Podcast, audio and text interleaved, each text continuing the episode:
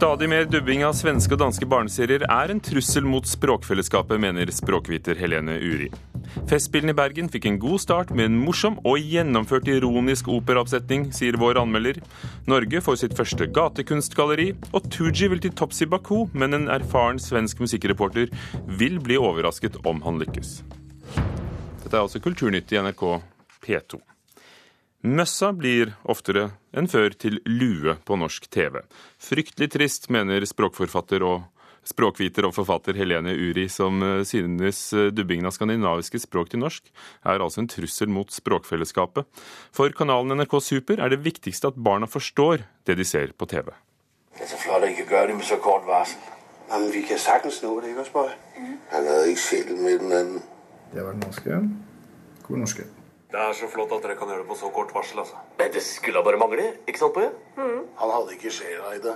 Joakim Ulriksen er prosjektleder for dubbing i NRK Super.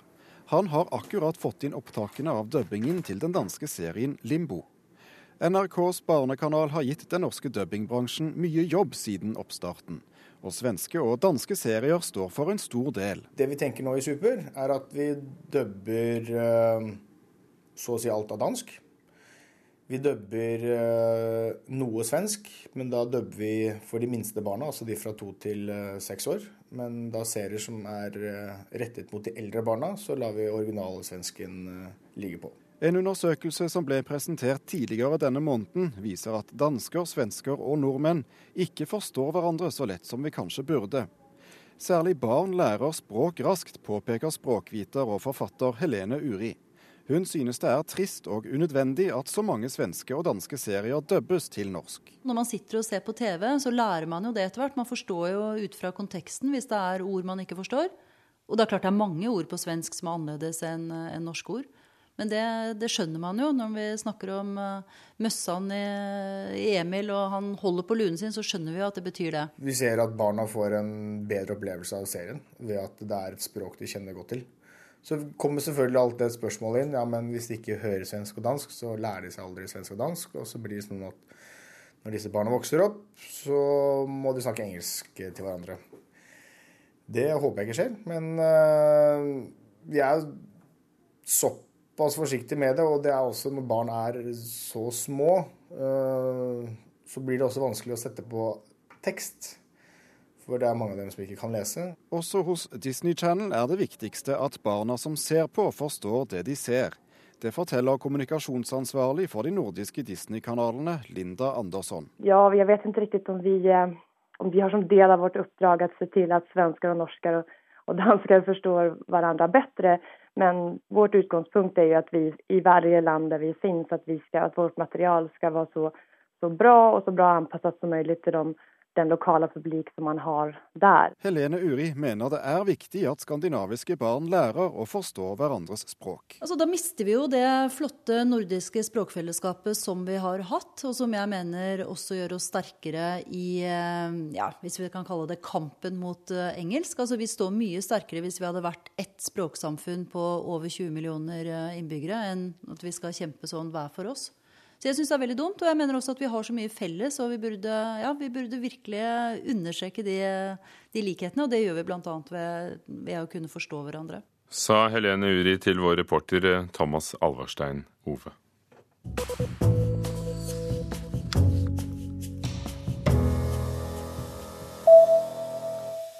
25 000 arbeidstakere blir eh, fra i dag av tatt ut i streik etter at forhandlingene for ansatte i stat og kommune brøt sammen, som vi har hørt i nyhetene i morgentimene.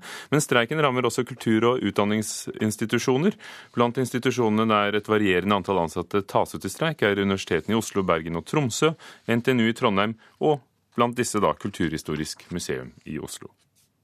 Facebooks børsnotering har vært alt annet enn vellykket. Nå varsler flere aksjonærer søksmål og myndighetene granskning etter kursfallet. Facebook anklages for å ha holdt tilbake kritisk informasjon om en treg inntektsvekst, skriver Dagens Næringsliv. Fra børsnoteringen fredag i forrige uke falt Facebook-aksjen med nesten 20% frem til tirsdag. Og 3D tar av på norske kinoer. Hver fjerde kinobillett som ble solgt i fjor, var til en tredimensjonal film. Det skriver også Dagens Næringsliv. Brillekrevende tredimensjonal underholdning omsatte i 2011 for nesten 300 millioner kroner på norske kinoer. og Det er fem ganger så mye som i 2009.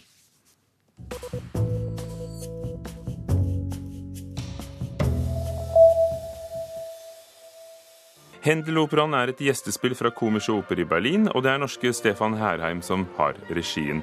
Musikkanmelder her i NRK, Ragnhild Weire, du befant deg i Grieghallen i går. Var det en vellykket åpning? Ja, dette ble både morsomt eh, og vellykka musikalsk. Og samtidig så hadde denne åpningsforestillingen en, en brodd eh, til ettertanke.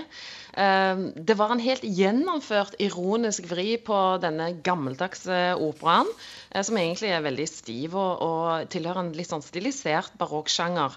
Det, dette ble et kjærkomment offer for norske Stefan Herheims regi, som tøyser like mye med disse gamle operakonvensjonene som f.eks. filmen 'Mannen med den nakne pistol' tuller med actiondramaer på film. Hvis du skjønner, Her var det noe å le av rundt hver sving. Siden dette ikke er så, vi ikke er på fornavn med Hendel alle sammen, hva slags opera er det? Altså, Hendel er jo en uh, mester uh, i å lage klassiske hiter. Dette er jo mannen bak uh, Messias og Hallelujakoret, bare for å ha sagt det. Operaen han har laget, er en litt sjelden tragikomedie med et kjærlighetsplott fra et kongelig hoff fra 1700-tallet. Her er det forviklinger, og det tøyses litt sånn som Holberg gjør med sine aktører i sine skuespill. menneskene begjærer hverandre rått bak pyntelige fasader, og så begjærer de kanskje også også egentlig like mye seg selv. Du låter jo begeistret, men hva var mest vellykket? Altså, det er jo denne måten og Dette er jo en, en, opera som har begynt å bli spilt ganske mye. Men, men flere kan sette denne opp i original form, og, og, så skal man liksom sluke det rått i dag. Det er ikke bare greit, synes Stefan Herheim. Han eh, vil modernisere på sitt vis, og så se, se, på det med, med, nye øyne. Vi vet at, eh, at, ikke alt her er up to date. Så han har fått en helt ny og fin flyt i dramaet ved å overdrive undertonen i teksten, som Hendel har det fra før, og hans librettist. Eh, og nettopp framhever menneskenes selvopptatthet oppi kjærlighetsdramaet. Noe som egentlig er jo ganske gjenkjennelig menneskelig. Og særlig fikk denne eh, helten, da, kong, kongen, kong Serses, gjennomgå. Han prøvde å lukke damene til seg med en eh, gedigen sølvsusp, og kostymene var helt kostelige parodier av svulmende hoffklær. Og scenografien fungerte godt i, i Grieghallens dreiescene med sånne sjarmerende og naive hoffkulisser. Norske Stefan Herheim eh, har jo også fått god kritikk i Tyskland for denne forestillingen. Han er kjent for å legge inn eh, kritikk mot opera som noe ukritisk. Var det noe du fant igjen her? Ja, altså Særlig slutten eh, viste oss et, et, blikk ut av det lukkede operadramaet og peker ut mot oss vi som ser på. Når, vi, når, det var happy ending og alle aktørene hadde fått hverandre og alt var på plass og alle var glade og fornøyde, da applausen da kommer, så ser plutselig alle aktørene forundra ut på oss, publikum, og som må si hva, sitter dere der og klapper og er helt med på dette? Dere må huske at dette er fiksjon, dette er ikke ekte. Alt er ikke bare roser i det virkelige liv. Altså, Det er en sånn lite sting som han alltid pleier å legge inn, som er en, en, en fin vekker. Og det fungerte også eh, i går som et effektivt grep til ettertanke. Og dette var jo en gjesteforestilling. Hvordan var eh, utøverne? Um, Altså, denne Musikken til Hendel har jo veldig mange bra hiter og, og melodier. Eh, og eh, det fiksa utøverne, som jo er henta inn fra en sånn fast ensemble eh, på en opera i Berlin som heter Komische Oper. De er spesialister på nettopp dette, komisk opera. Her er det ingen sangstjerner som er henta inn med dyre honorarer, men, men, de har et sånn lekende godt samspill som fungerer utrolig godt. Og sammen med orkesteret så hadde de en sånn smittende formidlingsglede ved å kanskje de var glade for å komme her til Bergen, som jo har strålende solskinn, og Festspillene er i gang for fulle mugger. Så her var det en kommunikasjon som smitta over på oss som satt i salen også. Og folk kom, det var jo fullsatt. Takk for at du hørte Xerxes av Hendel med regi av Stefan Herheim for oss, eh, Ragnhild Weire. Det er ny forestilling i Grieghallen i kveld. Eh, og så kan den jo også høres eh, i Berlin da, til helt til 5. juli på diverse datoer. Tooji satser på seier i finalen i Eurovisjonens melodikonkurranse i Baku, men først må han gjennom kveldens semifinale. Og en svensk Melodi Grand Prix-ekspert mener Tooji ikke vil nå sitt mål. Med vennlig instruksjon fra koreograf Mathias Karlsson gjør Tooji seg klar. Han har spart på stemma siste veka, men lover at den skal holde helt til finalen. Ser det ut som jeg har stemmeproblemer? Nei, jeg, jeg er bare veldig gira. Så er det greit å ha noe, fordi eh, Luften er veldig tørr, og det er airconditioning overalt. Så det er greit å ha noe som smører halsen litt, så du forebygger at det kan skje noe. Et kaotisk hotellrom fungerer som kostyme- og sminkerom for gjengen fra Norge. Det er her de legger siste hånd på verket før de går på scenen i Crystal Hall i Baku. Det er nå det gjelder for Tooji, som knapt hadde stått på en scene før han ble kasta ut i Eurovisjonssirkuset. Men i Baku er det ikke alle som mener at det norske bidraget kan hevde seg i konkurransen. Det är precis vad Erik Sade gjorde för Sverige förra året. Eh, och jag kommer väl få skit för att jag säger det här, men det känns som att det, det, är lite samma stil. Men å andra sidan så är det så att om det går bra för Norge, då kommer vi ta, ta åt oss äran eftersom det är svenska låtskrivare. Torbjørn Ek har dekka Eurovisjonsfinalen for Aftonbladet i Sverige i ei årrekke. Han har mer tro på deres egen kandidat. Altså, Loreen er jo her for å vinne. Vi, det är första gången, jag, det är mitt sjunde Eurovision och det är första gången som jag så här starkt tror att vi har chansen att faktiskt ta hem det. Eh, men å andra sidan så hade vi ju ett gäng ryska farmödrar eh, som skärmade byxorna av publiken. Eh, här, och, så det blir en jäkligt tuff strid, men jag tror att vi kommer vara med och slåss om topp tre. Og dit sikter også vårt eurovisjonshåp seg inn. Det er én grunn til at Tooji er i Baku. Når jeg så på semifinale én, wow, da kom sommerfuglene. For jeg tenkte at shit, jeg skal stå på den scenen her, og jeg skal vinne. Jeg, jeg må greie dette. Og jeg skal greie dette. Jeg skal gi alt jeg har. Og når man gir alt til meg, så er det ikke lenger opp til deg. Da er det opp til noe større. Sa Tooji til vår eh, reporter Ann Irén Finstad. Og vi tar med at Den europeiske kringkastingsunionen, EBU, mener eh, Melodi Grand Prix er blitt for kostbart å arrangere. Konkurransen har nådd dimensjoner som er helt på grensen av hva en kringkaster kan påta seg, sier EBUs sjefsprodusent Jan Ola Sand, Jon Ola Sand til Aftenposten. I år bruker de aserbajdsjanske arrangørene rundt 400 millioner kroner. Det er omtrent tre ganger så mye som EBU mener en finale bør koste. Du hører på Kulturnytt i Nyhetsmorgen i NRK P2 og Alltid nyheter. Klokken nærmer seg 19 minutter over åtte. Overskriften i dag. 25 000 ansatte i stat og kommune streiker i dag. Barn i elleve kommuner rundt om i landet møter stengte dører. Gjennomsnittsnordmann får mer fra det offentlige enn han eller hun selv bidrar med i skatter og avgifter, sier Statistisk sentralbyrå. Og nå kommer skandalefilmen på kino, fem år etter planen. Wide Blue Yonder, eller Begravelse til besvær. Og vi har sett den. I dag åpner Norges første gatekunstgalleri, og mangeårig sjef for New Art-festivalen, Martin Reed, står bak galleriet i Stavanger, som bare skal selge egne versjoner av gatekunstmotiver. Dette er en dårlig idé, mener flere kunstkritikere. Dolk, Martin Reed viser fram et verk av Dolk, den mest berømte av de norske gatekunstnerne. Midt i Stavanger sentrum åpner han i dag Norges første galleri som spesialiserer seg på gatekunst. Dvs. Si galleriversjoner av motiver fra disse anonyme og mediesky folkene som opererer med sjablong og sprayboks i det offentlige rom, og som har videreutviklet taggingen og graffitien og blitt en del av den etablerte kunstverden. Over 2000 emails in the last three days. Over 2000 e-poster har Reed fått fra folk som er interessert i Dolks lerretversjon av gutten med en dukke i hånden og et Playboy under armen. Nå er det til salgs for 70 000 kroner. Kunstneren har jobbet lenger med dette verket og bearbeidet det mer enn han gjør når han jobber ute, sier Reed. Etter å ha drevet gatekunstfestivalen Nuart i byen i en årrekke, har han nå de kontaktene som trengs for å oppfylle drømmen om et eget galleri. I mean, you have to consider that these artists they travel the world and they put these enormous productions together to, pl to place this work on the street for free. De fleste gatekunstnerne i dag selger verker til gallerier og museer, hvor Banksy er den mest berømte, sier Reed. Også disse kunstnerne må ha noe å leve av. Men flere kunstkritikere mener at gatekunstnerne er i ferd med å forville seg inn i en blindgate. Det er hypa opp veldig mye. Ting som var friske for 30 år siden rundt i verden. Eh, det andre er at eh, når det hentes inn fra gaten, så er det ikke lenger gatekunst, for det vises i en helt annen kontekst. Gatekunstens galleri, det er ute på gaten.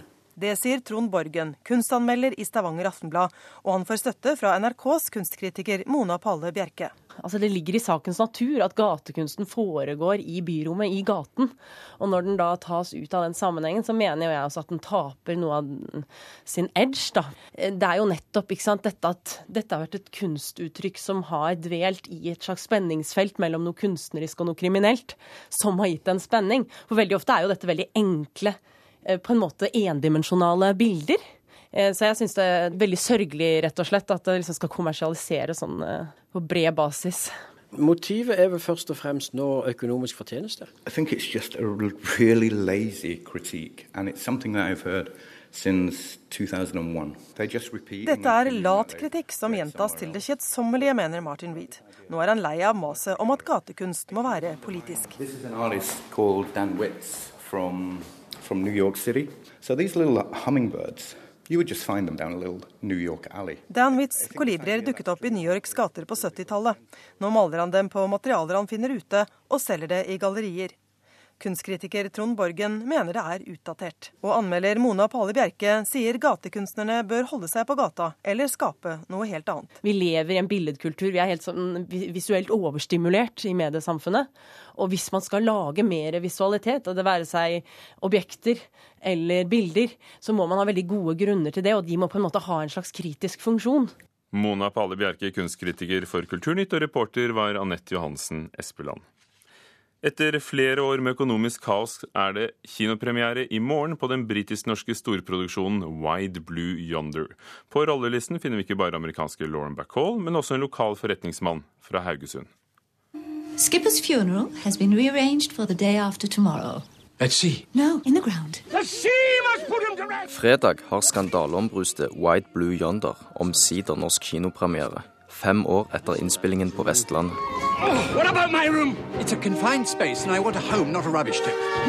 Den britisk-norske samproduksjonen er blitt beskrevet som en farsaktig og lystig komedie.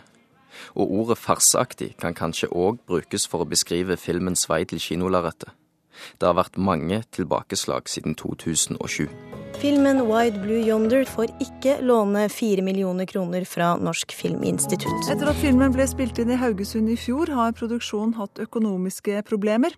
Og det har bl.a. vært strid om rettigheter til negativopptakene. Nå krangler de om hvem som skal ha retten til å selge filmen på det internasjonale markedet. Men til tross for år med politianmeldelser, streik, konkursbegjæringer og beslag av opptak, i morgen kan det norske kinopublikummet se internasjonale stjerner som Lauren Bacall og Brian Cox boltre seg på Haugalandet, sammen med hjemlige skuespillere som Kåre Konradi og Hege Skøyen. Det er det mange som er glade for, blant andre forretningsmannen Ola Sandvold fra Haugesund. Det ble skrevet litt om filmen som skulle spilles inn i Haugesund allerede et års tid før innspillingen startet. Da var de ute etter en smuglerhule. Og så er de da tilfeldigvis en svær båtgarasje som er skutt inn i fjellet. Og så tilbyr vi meg at de kunne få lov å bruke den. Den britiske regissøren Robert Young oppdaga raskt at han kunne dra nytte av lokalkunnskapene og sjøvettet til Sandvold. Men vel så viktig var kanskje forretningsmannens økonomiske bidrag, da skuespillere og teknisk stab raste mot uteblivende lønn. Så for å avverge den streiken, så gikk jeg med et lån som egentlig skulle være veldig kortsiktig. Lånet ble ikke like kortsiktig som planlagt. Verken han eller de norske skuespillerne har fått alle pengene de har krav på. Til sammen skylder prosjektet flere millioner til Sandvold og andre kreditorer. Håpet er at kinoinntektene i Norge og andre land skal gjøre det mulig for filmen å gjøre opp gjelden. Jeg håper og tror at de får igjen det aller meste. Er det noe som vi ikke får tilbake, så får det våge seg. Og om pengene skulle utebli, kan det som med litt velvilje kan kalles en skuespillerdebut, òg være et plaster på såret for 67-åringen. Ola Sandvold har nemlig rollen som avdød sjøulk i White Blue Yonder. Filmen starter med et stillbilde av meg. Det var pga. at jeg fikk så vanvittig god uh, kontakt med regissøren. Og så likte han eh, ansiktet mitt når jeg gjorde meg litt til. og ba meg å anlegge skjegg, og så brukte han meg som eh, Ja, takk for hjelpen, for å si det sånn. Sa investor og altså skuespiller i Wide Blue Yonder, Ola Sandvold, til vår reporter Dario Kverme Byrhane. Og det må ha vært denne Hollywood-faktoren som gjorde det mulig å få med investorer, leverandører, og filmarbeidere i Haugesund og Norge på Wide Blue Yonder, med den norske undertittelen 'Begravelse til besvær'. Det mener i hvert fall vår anmelder Einar Gullvåg Staalesen. Det var meningen å si noe om sterkt vennskap og lojalitet helt inn i døden. Well, Mr. Undertaker, Filmen er halvannen times moro med lik. Humoren er ikke raffinert. Her får Wally stoppet kjeften på presten og avverget første forsøk på begravelse. And the sea gave up the dead. Man on a mission, gentlemen. Man, according to his works. Don't worry, Skip. I'll get you out of this. Lenger ute i prosessen stanser han to nye forsøk på å sende Skip i jorda. Den siste manøveren skjer i båreheisen mellom kapellet og krematorieovnen. Der skjer et bytte av kister. Mr. Larson, what a friend we have in Jesus. How true. Wally har lovet Skip at hvis han dør først, skal Wally sørge for at han blir gravlagt i åpent hav. Et slikt løfte hellig for en med religiøst forhold til sjølivet. Remain as a congregation. Sing, sing together. Trust in the Lord. Trust in the Lord. Det er ikke det som skjer som er problemet, det er hvordan det skjer. Filmen ser og høres ut som en akterutseilt Hollywood-komedie uten følelse for komikk. Den er pinlig. Nesten alle scener er melodramatiske. Hver eneste anslag og innfall er overparfymert med fullt symfoniorkester som avslutter sine trettende mange skår i fortissimo.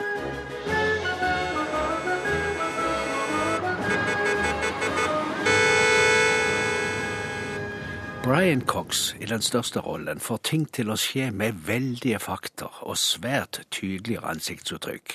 Den mannen hadde mye moro på jobb i Haugesund. Han gjør det ikke like morsomt for oss, men han er god i noen scener. Det er i Haugesund det skjer. Den norske festivalbyen er som et forvokst fiskevær som har klart å omstille seg fra sildesalting til spritsmugling. Småbylivet reguleres av norsk mafia. Det er som et sted i enden av det sjuende hav, altså langt borte, med brygger og båthus og stabler med sildetønner, og slitte trehus i sentrum og et fasjonabelt solskinnshjem for eldre i utkanten. Det private aldershjemmet er dramaets episenter.